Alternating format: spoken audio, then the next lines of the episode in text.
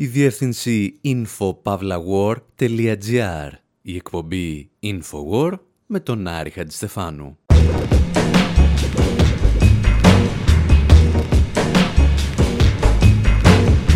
όπου σήμερα παρακολουθούμε τη σύγχρονη ιστορία της Μέσης Ανατολής με τη βοήθεια του Τεντέν και της Πάτη Σμιθ. Υποστηρίζουμε ότι ο Σιμών Πέρες δεν δικαίωται, αλλά δεν είναι αυτό που νομίζετε. Παρακολουθούμε τις πρώτες επιθέσεις αυτοκτονίας με αυτοκίνητο βόμβες και χωρίς καμία έκπληξη θυμόμαστε ότι δεν έγιναν από Άραβες, αλλά από Ισραηλινούς. Υποπτευόμαστε ότι ελάχιστοι άνθρωποι έθεσαν σε τόσο μεγάλο κίνδυνο την παγκόσμια ειρήνη στο δεύτερο μισό του 20ου αιώνα, όσο ο Σιμών Πέρες. Τελικά σας διηγούμαστε τέσσερις ιστορίες και σας καλούμε να εντοπίσετε σε αυτές τον πρώην πρόεδρο του Ισραήλ. Το ρεπορτάζ στην πρώτη ιστορία έχει ο Τεντέν.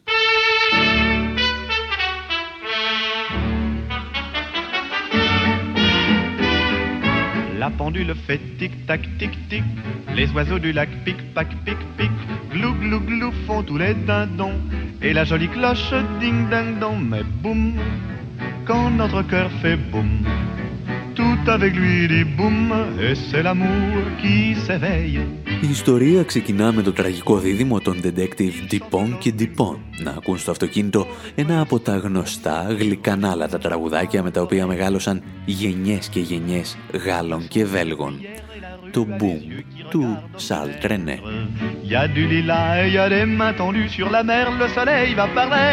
Το ρολογάκι λέει κάνει τικ τικ τακ, τα ψαράκια της λίμνης πικ πακ πικ, οι γαλοπούλες γλου γλου γλου και η καρδιά του τραγουδιστή Boum. Le vent dans les bois fait ouh, la biche aux abois fait la vaisselle cassée. Και αν σας ανακατεύει όσο και εμάς η γελοιότητα της γαλλικής μουσικής σκηνής της δεκαετίας του 30, κάντε λίγο υπομονή. Tout avec lui dit boum, l'oiseau dit boum, c'est l'orage. Boum.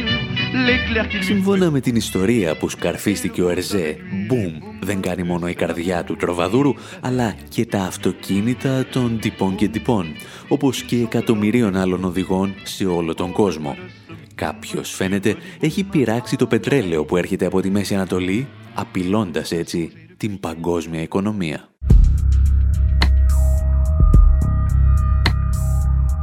Ουσιαστικά, ο Ερζέ, λίγο πριν ξεσπάσει ο δεύτερος παγκόσμιος πόλεμος, κατανοεί τη σημασία της Μέσης Ανατολής ως ενεργειακού κόμβου που θα καθορίσει τις γεωπολιτικές εξελίξεις σε ολόκληρο τον πλανήτη. Και γι' αυτό στέλνει τον ήρωά του στην Ιερουσαλήμ για να ελέγξει τι ακριβώς συμβαίνει με αυτό το πετρέλαιο.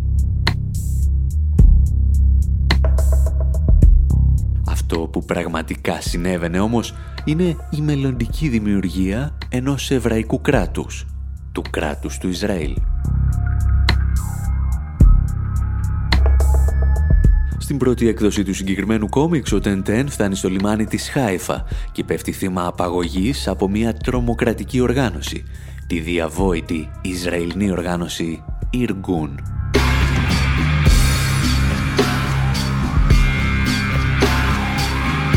Η Ιργούν ήταν στην πραγματικότητα μια παραστρατιωτική οργάνωση Εβραίων Σιωνιστών που πραγματοποιούσε πολύ νεκρές επιθέσεις εναντίον της Βρετανικής κατοχής.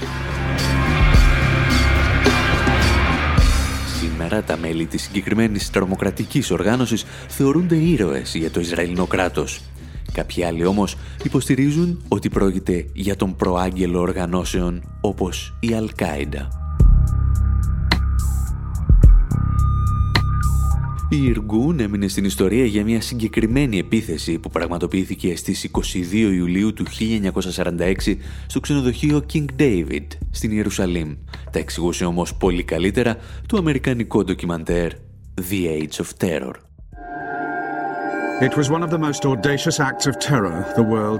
Ήταν μια από τις πιο αυθάδεις τρομοκρατικές επιθέσεις της ιστορίας.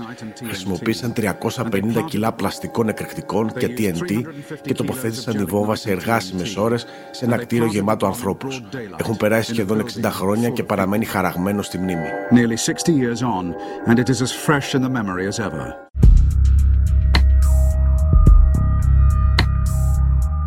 Η βόμβα που τοποθετεί η οργάνωση στο ξενοδοχείο King David δεν αφήνει πίσω της μόνο δεκάδες νεκρούς.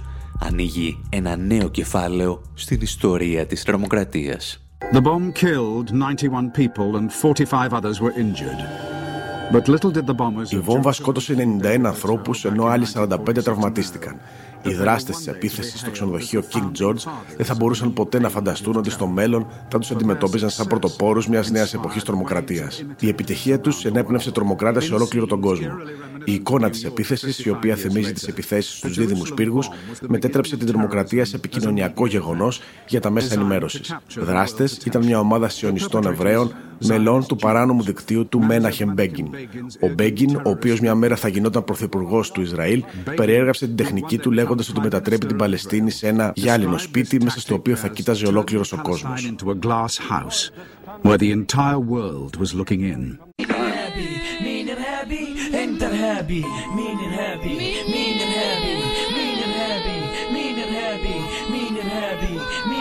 إرهابي. مين إرهابي؟ أنت إرهابي. مين إرهابي؟ أنا إرهابي. كيف ارهابي وانا عايش ببلادي مين ارهابي انت ارهابي ماكلني وانا عايش ببلادي قتلني زي ما تلت اجدادي اجل القانون على الفاضي ما انت يا عدو بتلعب دور الشاهد المحامي والقاضي علي قاضي Ποιος είναι ο τρομοκράτης, τραγουδούν οι Ντάμ.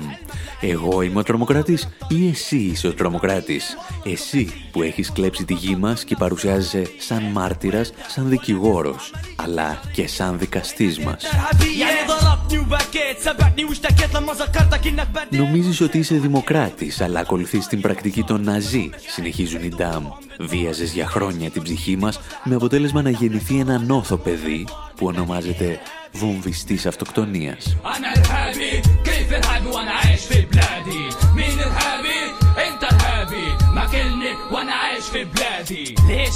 Οι DAM που ακούμε είναι βέβαια παλαιστινιακό συγκρότημα και τα τραγούδια τους αναφέρονται στα Ισραηλινά στρατεύματα κατοχής. Τους ίδιους ακριβώς στίχους όμως θα μπορούσαν να είχαν τραγουδήσει αμέσως μετά το Δεύτερο Παγκόσμιο Πόλεμο και αρκετές Ισραηλινές τρομοκρατικές οργανώσεις. Όπως εξηγούσε άλλωστε και ο ακαδημαϊκός Μάικ Ντέιβις, οι Ισραηλινές τρομοκρατικές οργανώσεις ήταν αυτές που έφεραν για πρώτη φορά στην περιοχή της Μέσης Ανατολής νέες πρακτικές όπως τα παγιδευμένα με εκρηκτικά αυτοκίνητα. Οι σημαντικότερες επιθέσεις αυτοκτονίας του 20ου αιώνα στη Μέση Ανατολή δεν έγιναν βλέπετε από Άραβες μουσουλμάνους, αλλά από Εβραίους Ισραηλινούς.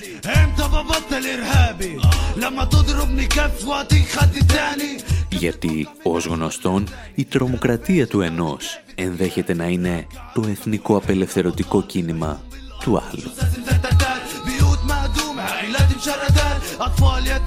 Οι Ισραηλινοί τρομοκράτες μάχονταν τη Βρετανική απεικιοκρατία, όπως κάποιοι άλλοι αποκαλούμενοι τρομοκράτες μάχονται σήμερα μια άλλη κατοχή.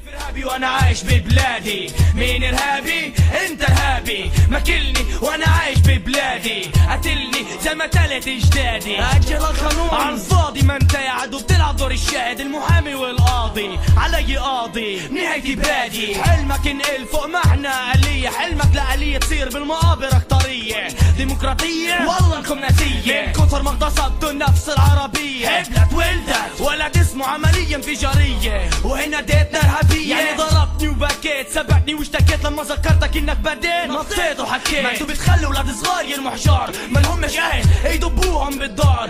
إيش؟ كنه نسيت إنه سلاحك ضب الأهل تحت الحجار. وهلا لما وجع الفار. بتناديني إرهابي؟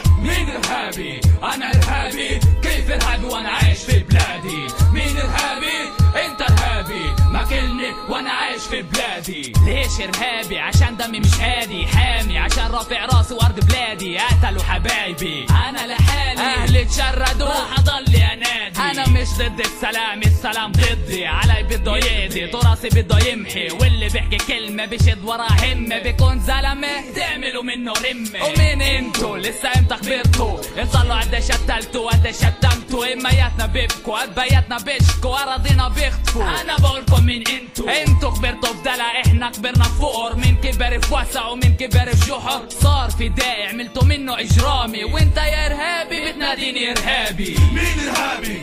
أنا ارهابي كيف ارهابي وأنا عايش ببلادي؟ مين ارهابي أنت ارهابي ما كلني وأنا عايش ببلادي. إمتى ببطل ارهابي لما تضربني كف وأعطيك خد تاني. كيف تتوقع مني أشكر اللي اذاني تعرف إيش أنت ولي كيف دكياني راكع ركبي وإيدي مربطات عيون بالأرض وجثث مزتتات بيوت مهدومة عائلات مشردات اطفال يتيمة حرية بكلبشات انت عمر انت قطر احنا بنقبر ما علينا بنصبر وجعنا بنستر اهم شي انك تحس بامان تريح وسيب لنا الالام ما هو دمنا دم كلاب حتى لا Στο σημείο αυτό βέβαια θα αναρωτιέστε πώς εμπλέκεται ο Σιμών Πέρες με την τρομοκρατία και τα παγιδευμένα με εκρηκτικά αυτοκίνητα. Και η απάντηση είναι ότι είχε ενταχθεί και αυτός σε μια παραστρατιωτική οργάνωση. Η επίθεση στο ξενοδοχείο King George δεν ήταν μία πράξη κάποιων θερμοκέφαλων Εβραίων.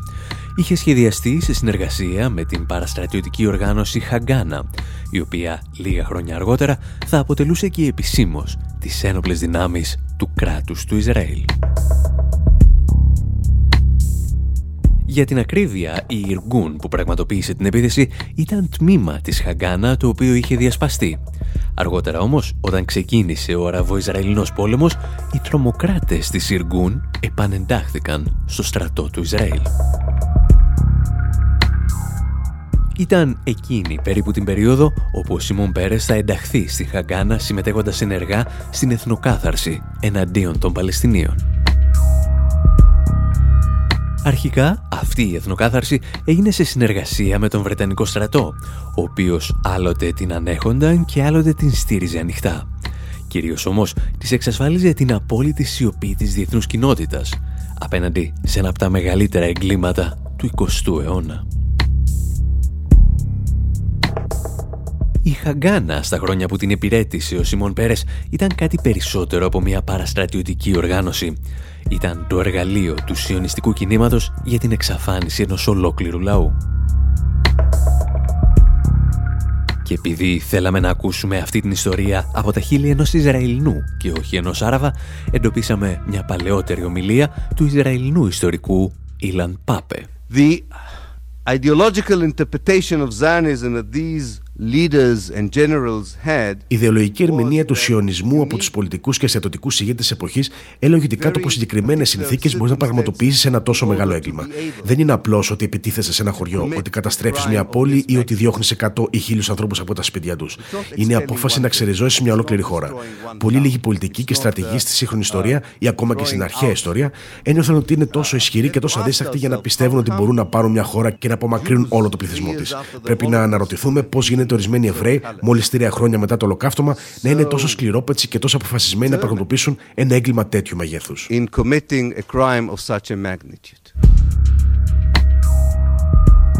Έτσι περιέγραφε λοιπόν ο Ισραηλινός ιστορικός Ιλαν Πάπε την εθνοκάθαρση των Παλαιστινίων που πραγματοποιούσε η παραστρατιωτική οργάνωση Χαγκάνα. Μια οργάνωση στην οποία ο Σιμών Πέρες θριάμβευσε και αναρχήθηκε σε ελάχιστο χρονικό διάστημα στα ανώτατα αξιώματά της. Εκεί θα συναντήσει ανθρώπους όπως ο Μοσέντα και ο Νταβίτ Μπεν Κουριόν. Και ίσως εκεί να γνώρισε και να υιοθέτησε το πραγματικό πρόσωπο της φρίκης. Για αυτά όμως θα χρειαστούμε μια μικρή βοήθεια από την Πάτη Σμιθ.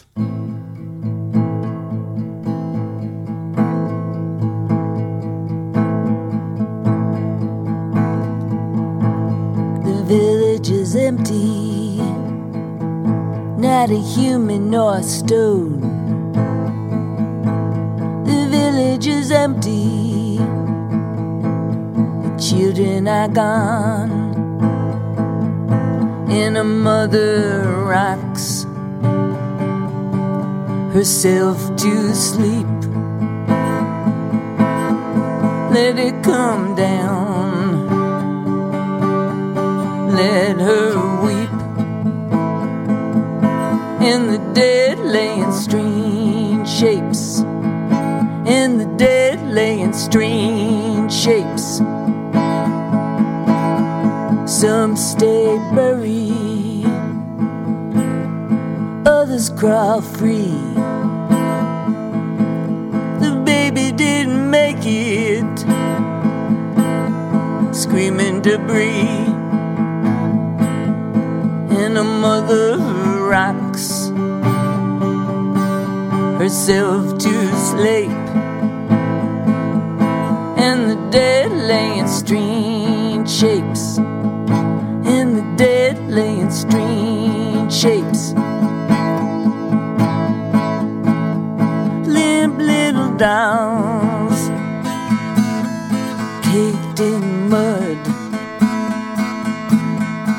Small, small hands found in the road.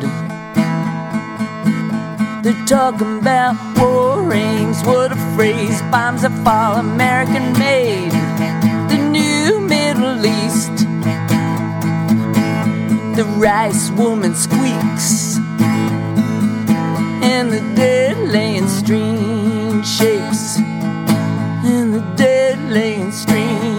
shapes.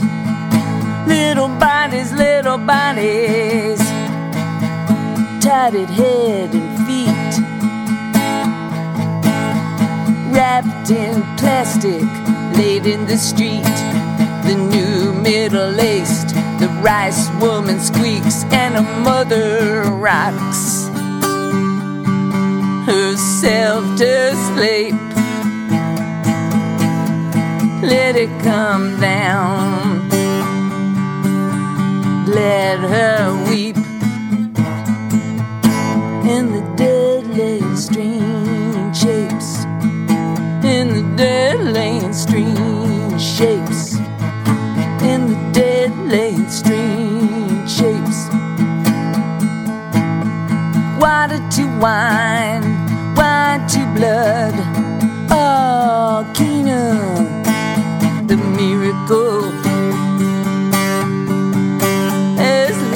Έχουμε επιστρέψει στο 2006 και η Πάτη Σμιθ γράφει το τραγούδι της «Κανά». Is love. Η Πάτη Σμιθ τραγουδάει για το βομβαρδισμό της πόλης Κανά του Λιβάνου από τις Ισραηλινές δυνάμεις. Τραγουδάει για τα 32 παιδιά που σκοτώθηκαν σε μία μόνο πολυκατοικία από τους βομβαρδισμούς. Και η αφήγησή της είναι φρικτή όσο μόνο μία κάμερα θα μπορούσε να την αποτυπώσει. Is love. Ανάμεσα σε άλλα μας μιλάει για βρέφη που δεν κατάφεραν να επιβιώσουν καταπλακωμένα από τα ερήπια, αλλά και για νεκρά σώματα που παίρνουν περίεργα σχήματα. Είναι φαίνεται στη μοίρα της Κανά να προκαλεί τις πιο φρικιαστικές περιγραφές ύστερα από κάθε βομβαρδισμό του Λιβάνου από το Ισραήλ, ο οποίος παρεπιπτόντος συμβαίνει συνήθως κάθε 10 χρόνια. Πριν από μερικές ημέρες, καθώς η διεθνής κοινότητα θρυνούσε για τον χαμό του Σιμών Πέρες, ο βετεράνος ανταποκριτής Ρόμπερτ Φίσκ θυμήθηκε κάποιες άλλες εικόνες. Όταν όλοι φώναζαν ειρηνοποιός, έγραψε στην εφημερίδα Independent, εγώ σκεφτόμουν αίμα, σφαίρες και σφαγές.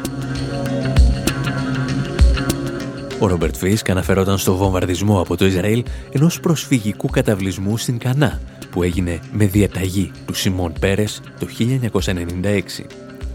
Και αυτή είναι η περιγραφή όσων είδε εκείνη την ημέρα στον καταβλισμό των Ηνωμένων Εθνών. Όταν έφτασα στις πύλες του καταβλισμού, είδα αίμα να τρέχει σαν χήμαρος. Μπορούσα να το μυρίσω. Γέμισε τα παπούτσια μου και κόλλησε πάνω του σαν κόλλα. Γύρω μου υπήρχαν κομμένα χέρια και πόδια, αποκεφαλισμένα βρέφη, κεφάλια γερόντων χωρίς το σώμα τους. Το σώμα ενός ανθρώπου είχε κοπεί στα δύο και κρέμονταν από ένα δέντρο που είχε πιάσει φωτιά.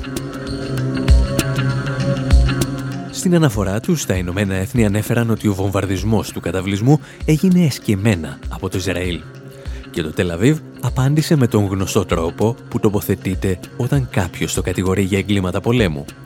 Χαρακτήρισε αντισημιτική την έκθεση των Ηνωμένων Εθνών και συνέχισε να βομβαρδίζει άμαχους στο Λίβανο.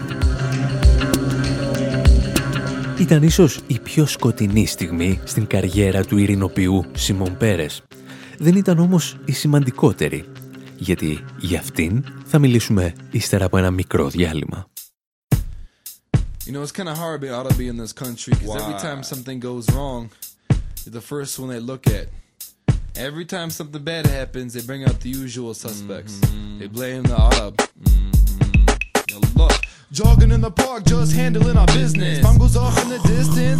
is this? It looks so suspicious. Cause ethnicity's the only limit. They don't even have a friggin' witness, they don't need one. Wrongfully accused like Leslie Nielsen. A cop corners me and says, let's cut a deal, son. Said, okay, I'll name names and I'll start with the big gun. Bill Clinton, a terrorist who's bigger than Big Pun. He'll bomb anyone, women, kids, even Hillary. The media typed and judged guilty. Showing us as violent, irrational, and filthy. Cause stereotypes see what they wanna see, reducing complexity. The simplicity, can't you see? We're presumed as guilty. We gotta prove our innocence, even with the lack of evidence. We're not oh. terrorists anyway. Who bombed the Alfred Murray building in Oklahoma City?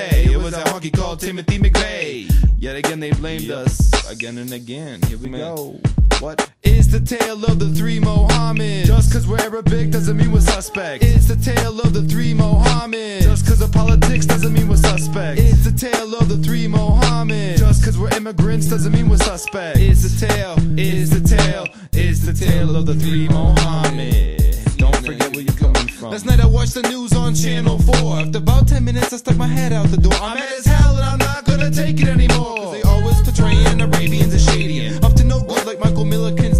Well, forget it, it ain't all that it's cracked up to be.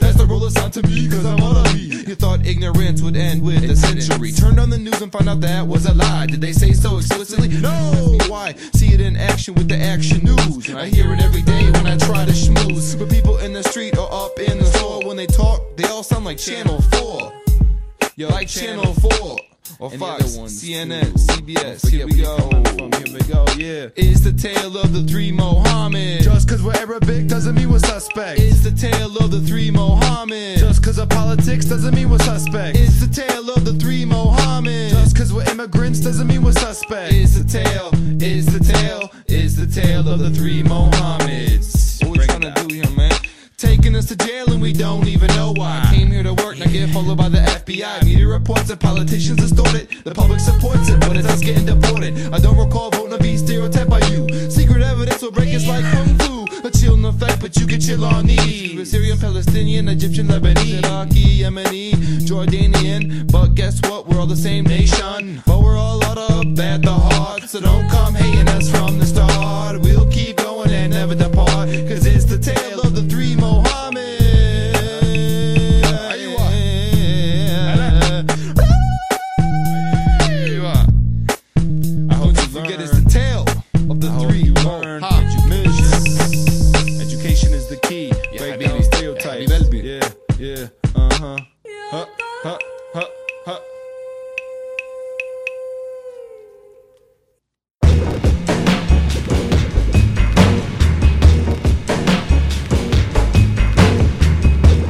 Εκπομπή Infowar, μέρος δεύτερο.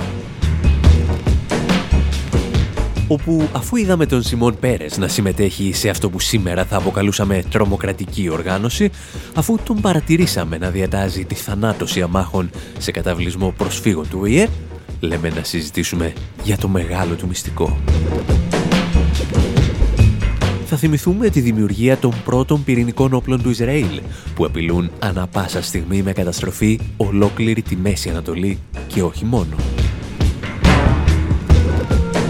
Θα ξεκινήσουμε όμως την ιστορία μας ελαφρώς ανάποδα, όχι από το μυστικό, αλλά από τον άνθρωπο που το αποκάλυψε. It's very sad that uh, Hillary Clinton, who is very democrat and very Είναι λυπηρό το γεγονός ότι η Χίλαρη Κλίντον, που μιλάει για τη δημοκρατία και τα ανθρώπινα δικαιώματα, όταν ήρθε εδώ στο Ισραήλ, επισκέφθηκε το τείχος των δακρύων στην Ιερουσαλήμ. Θα έπρεπε να επισκεφθεί το τείχος των δακρύων των Παλαιστινίων. Το τείχος συντροπή που χτίζει το Ισραήλ. Το τείχος του Apartheid.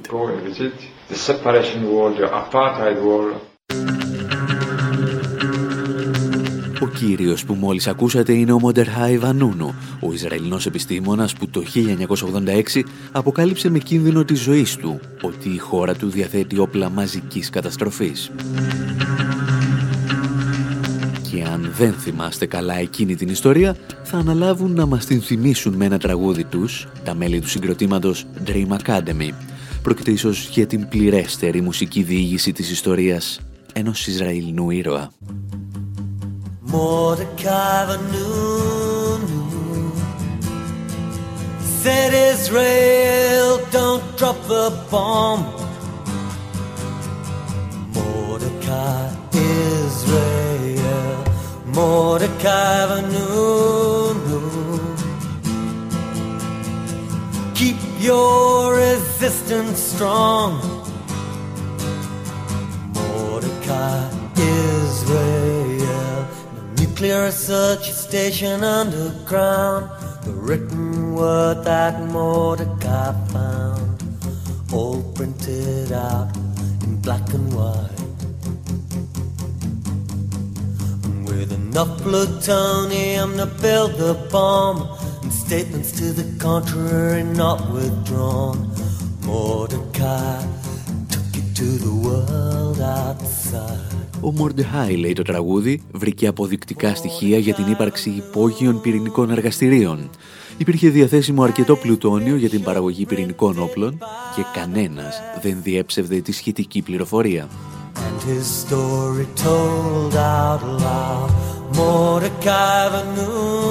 his story told out loud, Mordecai Vanun. Ο Μορντεχάι θέλησε να ενημερώσει τον κόσμο και έφνης είδε τη φωτογραφία του πρωτοσέλιδος στις εφημερίδες. Αναγκάστηκε λοιπόν να διαφύγει στο εξωτερικό κρυβόταν στο Λονδίνο καθώς λάμβανε απειλές για τη ζωή του.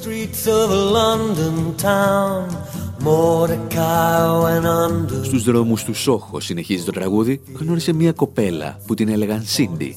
Του φάνηκε συμπαθητική, τα φτιάξανε και φύγανε μαζί για τη Ρώμη. Σύντομα όμως διαπίστωσε ότι η Σίντι εργαζόταν για την κυβέρνηση του Ισραήλ πράκτορες της Ισραηλινής κυβέρνησης, συνεχίζει η μουσική μας διήγηση, του επιτέθηκαν και τον έδεσαν. Και έτσι βρέθηκε ναρκωμένος μέσα σε ένα πλοίο. Όλοι πίστευαν ότι είναι νεκρός, έως τη στιγμή που εμφανίστηκε στο Τελαβίβ. Για λόγους εθνικής ασφάλειας τον έβαλαν σε μια κλούβα της αστυνομίας, αλλά αυτός πρόλαβε να γράψει ένα μήνυμα στο χέρι του.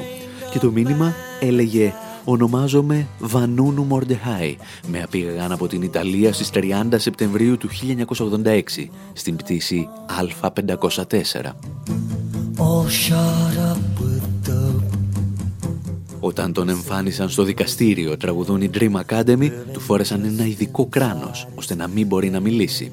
Και ύστερα τον πέταξαν σε ένα κελί 3x3, με κάμερες να παρακολουθούν κάθε του κίνηση. Του άφηναν ανοιχτό το φως 24 ώρες το 24ωρο. Δεν είχε πουθενά να κρυφτεί. Αλλά αυτός δεν τα έβαζε κάτω. Ο Μορντεχάι είπε στο Ισραήλ να μην ρίξει την πυρηνική βόμβα και τώρα συνεχίζει να αντιστέκεται, κατέληγαν οι Dream Academy. Γιατί αυτά παθαίνεις άμα αποκαλύπτεις το πυρηνικό πρόγραμμα ενός κράτους παρία της Μέσης Ανατολής και αν δεν αναφέρεσαι σε χώρες όπως το Ιράν, αλλά στο Ισραήλ. Για την ιστορία, να εξηγήσουμε ότι ο Βανούνου έχει προταθεί αρκετές φορές για τον Νόμπελ Ειρήνης, αλλά η Επιτροπή προτιμούσε πάντα να το δίνει σε ανθρώπους όπως ο Μπαράκ Ομπάμα ή ο Χένρι Κίσιγκερ. Living word that Mordecai that rang loud inside his head. Το συγκρότημα Dream Academy λοιπόν ανέλαβε να συνοψίσει την ιστορία του Βανούνου, ο οποίος έχει περάσει 18 χρόνια στη φυλακή, τα 11 από τα οποία στην απομόνωση.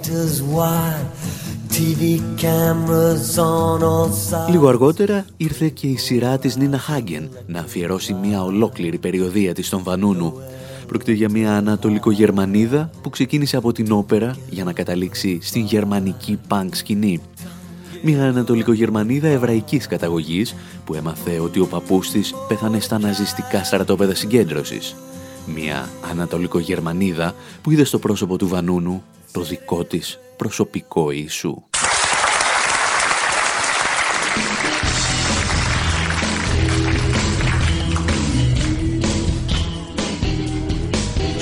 Your own personal Jesus. Someone to hear your prayer, someone who's there. He's your own personal Jesus. Someone to hear your prayer, someone who's there.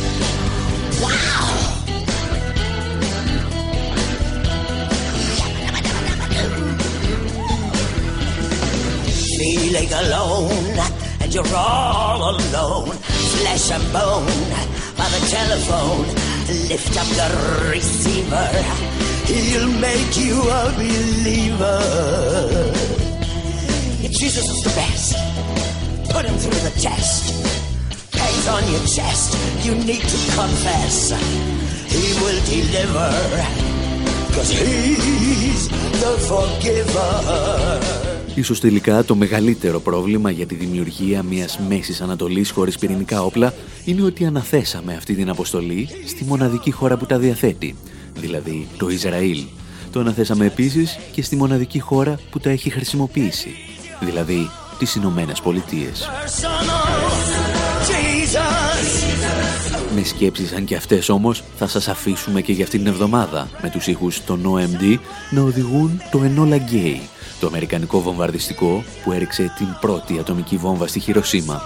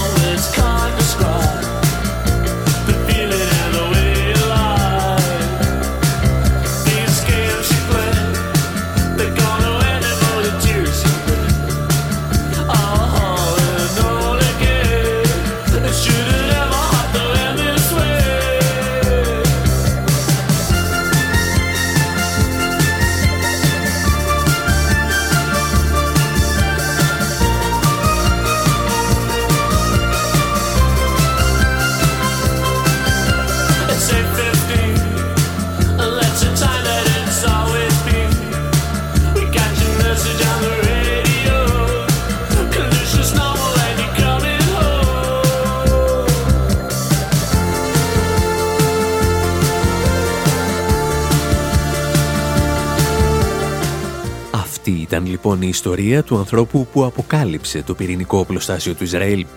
Εμάς όμως σήμερα μας ενδιαφέρει ο άνθρωπος που το δημιούργησε, ο Σίμον Πέρες. Τα πυρηνικά του Ισραήλ αποτελούν ένα από τα καλύτερα φυλασσόμενα μυστικά στον κόσμο. Για τους Ισραηλούς δημοσιογράφους είναι πρακτικά αδύνατο να ερευνήσουν το θέμα αν δεν θέλουν να καταλήξουν σαν τον Βανούνου στην απομόνωση κάποιας φυλακής.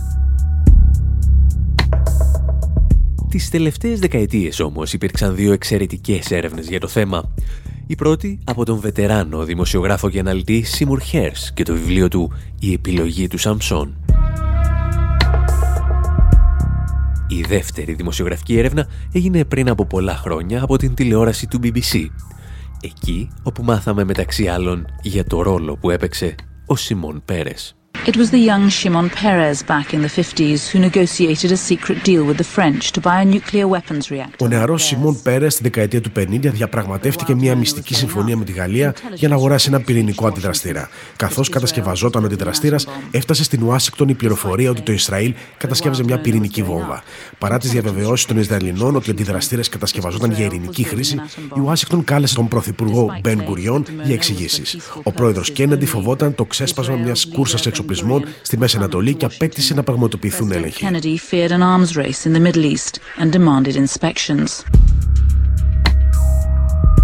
Το πώς πραγματοποιείς έλεγχο για όπλα μαζικής καταστροφής εξαρτάται από το τι θέλεις να πετύχεις. Στην περίπτωση του Ιράκ, λόγου χάρη, οι Ηνωμένες Πολιτείες πρώτα ισοπαίδωσαν τη χώρα και μετά αποδέχθηκαν ότι έλεγαν ψέματα για το οπλοστάσιο του Σαντάμ Χουσέιν. Στην περίπτωση του Ισραήλ όμως συμπεριφέρθηκαν σαν κυρίες, αν και αρχικά την πάτησαν σαν πρωτάριδες. Όταν όμως οι επιθεωρητές έφτασαν τελικά στο εργοστάσιο το Μάιο του 1961, έπεσαν θύματα απάτης. Τους έδειξαν ένα ψεύτικο κέντρο ελέγχου στο Ισόγειο. Δεν γνώριζαν ότι από κάτω υπήρχαν έξι ακόμα όροφοι όπου παρασκευαζόταν πλουτόνιο.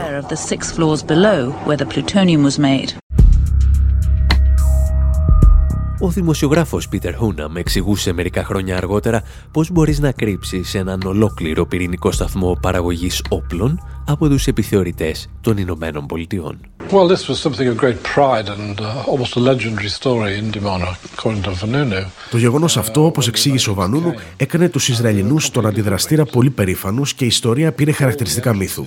Όταν ήρθαν οι Αμερικάνοι, τους κορόιδεψαν με το χειρότερο τρόπο. Είχαν χτίσει όλες τις εισόδους και τις πόρτες των Ασασέρ και τις κάλυψαν με σοβά. Ήταν λοιπόν αδύνατο για οποιονδήποτε να φτάσει στους από κάτω ρόφους. So it was impossible for anyone to find their way down to the lower floors. Το να χάσεις βέβαια έναν ολόκληρο πυρηνικό σταθμό 7 ορόφων μπορεί να οφείλεται σε δύο λόγους. Είτε είσαι παθολογικά κρετίνος και ψάχνεις όπως οι Ρωμαίοι Λεγιονάροι στην ταινία «Η ζωή του Μπράιαν» ή πολύ απλά δεν ήθελες ποτέ να τον βρεις.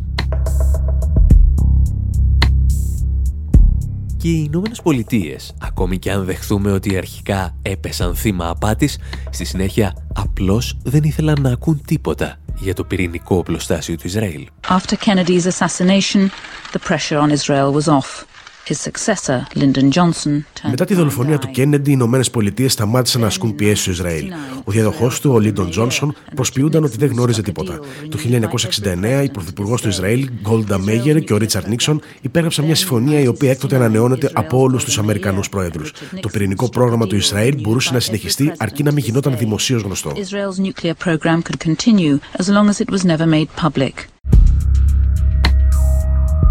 Ο Πέρες λοιπόν είναι ο πατέρας του πυρηνικού προγράμματος του Ισραήλ. Παράλληλα όμως είναι και ο άνθρωπος που έθεσε στόχο της ζωής του να συνθλίψει τον Βανούνου, ο οποίος το αποκάλυψε. It was Shimon Peres, then Prime Minister, who'd ordered Vanunu's capture. Ήταν ο Σιμών Πέρε, πρωθυπουργός του του Ισραήλ, που διέταξε την σύλληψη του Βανούνου. Ακόμη και σήμερα αυτή η απαγωγή παραμένει επίσημο κρατικό μυστικό. Ο Πέρες ήταν ο πατέρας του μυστικού πυρηνικού προγράμματος του Ισραήλ. Γι' αυτόν ο Βανούνου ήταν ένας κατάσκοπο. And for him, Vanunu was a spy. He was a traitor to his country.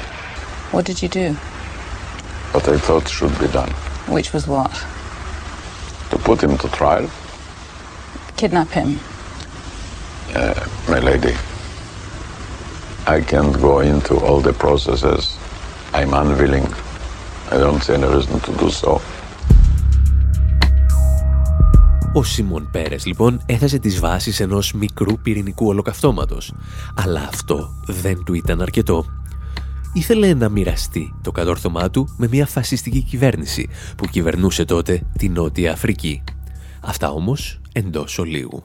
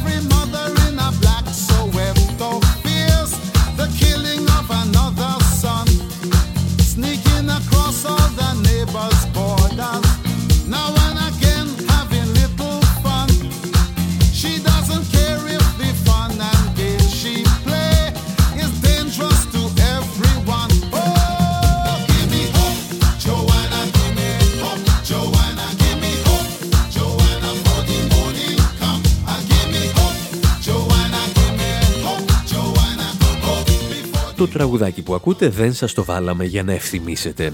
Βρισκόμαστε στη δεκαετία του 80 και ο Andy Grant γράφει αυτόν εδώ τον μουσικό ύμνο απέναντι στο καθεστώς του Apartheid στη Νότια Αφρική. Όπου Τζοάννα είναι η φιλοφασιστική κυβέρνηση του Johannesburg. places who turn their heads to the city. Μαθαίνω, λέει ο Έντι Γκραντ, ότι παίρνετε όλα τα λεφτά από τα ορυχεία χρυσού και αγοράζετε νέα όπλα. Και κάθε μαύρη μητέρα στο Σοβέτο εύχεται να μην σκοτώσετε με αυτά ένα ακόμη από τα παιδιά της. Τα όπλα στα οποία αναφέρεται ο Έντι Γκραντ ήταν αυτά που αγόραζε το καθεστώς για να ελέγχει τον πληθυσμό των μαύρων. Εκείνη την εποχή όμως η Νότια Αφρική ήθελε να αγοράσει και πυρηνικές κεφαλές. Το καθεστώς του Απαρτχάιτ δημιουργείται το 1948. Έχει όμως τις ρίζες του στην Βρετανική απεικιοκρατία που διαχωρίζει το λευκό από το μαύρο πληθυσμό. Και η χώρα αυτή θα μετατραπεί στον παράδεισο των ναζιστών. Από το τέλος του Δευτέρου Παγκοσμίου Πολέμου στη Νότια Αφρική βρίσκουν καταφύγιο αρκετοί αξιωματούχοι της ναζιστικής Γερμανίας. Παράλληλα, μέλη του ναζιστικού κόμματος της Νότιας Αφρικής προωθούνται σε θέσεις κλειδιά του κρατικού μηχανισμού. Ο ναζιστής Βαλτάζαρ Βόρστερ, μάλιστα, θα φτάσει να γίνει πρωθυπουργός της χώρας. Δεν είναι ίσως τυχαίο ότι το 1983 θα περάσει από εκεί και ο Νίκος Μιχαλολιάκος της Χρυσής Αυγής, για άγνωστο μέχρι στιγμής λόγο. Το παράδοξο είναι ότι ενώ με το πέρασμα του χρόνου το φιλοφασιστικό καθεστώς του Απαρτχάιτ απομονώνεται από τη διεθνή κοινότητα, υπάρχει μια χώρα που εξακολουθεί να το στηρίζει με όλες τις τις δυνάμεις. Το Ισραήλ. Και πάνω σε αυτή τη συνεργασία, ο Σιμών Πέρες σκέφτεται να πουλήσει μερικά πυρηνικά όπλα. Τα εξηγούσε πριν από μερικά χρόνια το Democracy Now! We turn to new revelations about Israel's nuclear weapons program and its close alliance with apartheid South Africa. Στη συνέχεια της εκπομπής θα ασχοληθούμε με το πυρηνικό πρόγραμμα του Ισραήλ και τις στενές σχέσεις του με το καθεστώς του Απαρχάιντ στη Νότια Αφρική. Ο πρόεδρος του Ισραήλ, Σιμών Πέρες, διέψευσε πληροφορίες ότι προσφέρθηκε να πουλήσει πυρηνικά όπλα στο καθεστώς του Απαρχάιντ όταν ήταν υπουργός άμυνας του Ισραήλ τη δεκαετία του 70. Η εφημερίδα Guardian δημοσίευσε άκρος απόρριτα έγγραφα της Νότιας Αφρικής που αποδεικνύουν ότι ο Σιμών Πέρες είχε τότε μια μυστική συνάντηση με τον Νότιο Αφρικανό ομολογό του. Η συνάντηση ολοκληρώθηκε με την υπόσχεση του Πέρες να πουλήσει πυρηνικές κεφαλές σε τρία διαφορετικά μεγέθη. Τα έγγραφα αποτελούν την πρώτη επίσημη επιβεβαίωση ότι το Ισραήλ διαθέτει πυρηνικό οπλοστάσιο, παρά το γεγονός ότι επισήμως αρνείται να επιβεβαιώσει ή να διαψεύσει την ύπαρξή τους.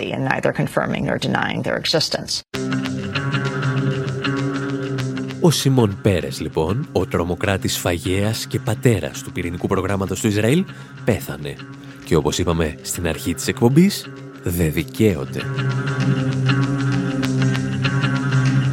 Και το λέμε αυτό, γιατί όπως μας θύμιζε παλαιότερα και ο Γιάννης Χάρης από τις σελίδες της εφημερίδας των συντακτών, το «δε δικαίονται» δεν σημαίνει δικαιώνεται.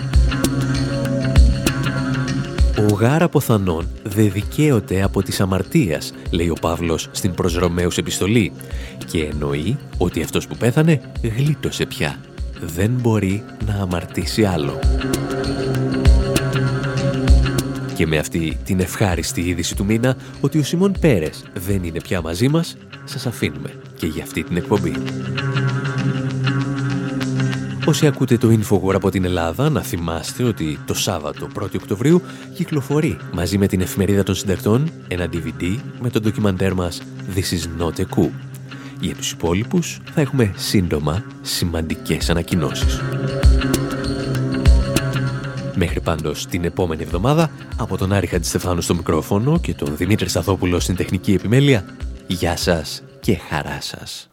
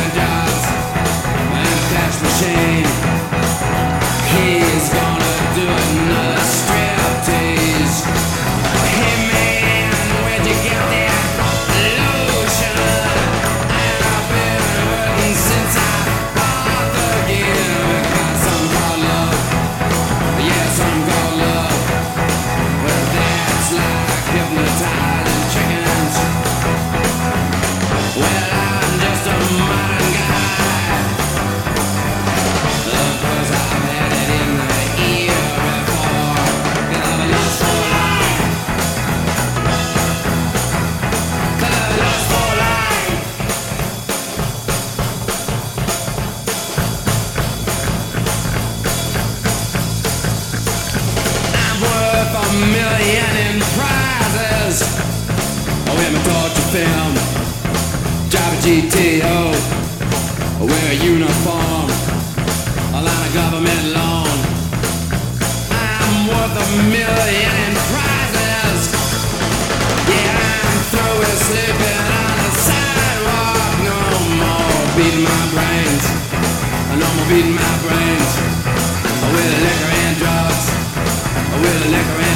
Well, I'm just a modern guy. Of course, I had it in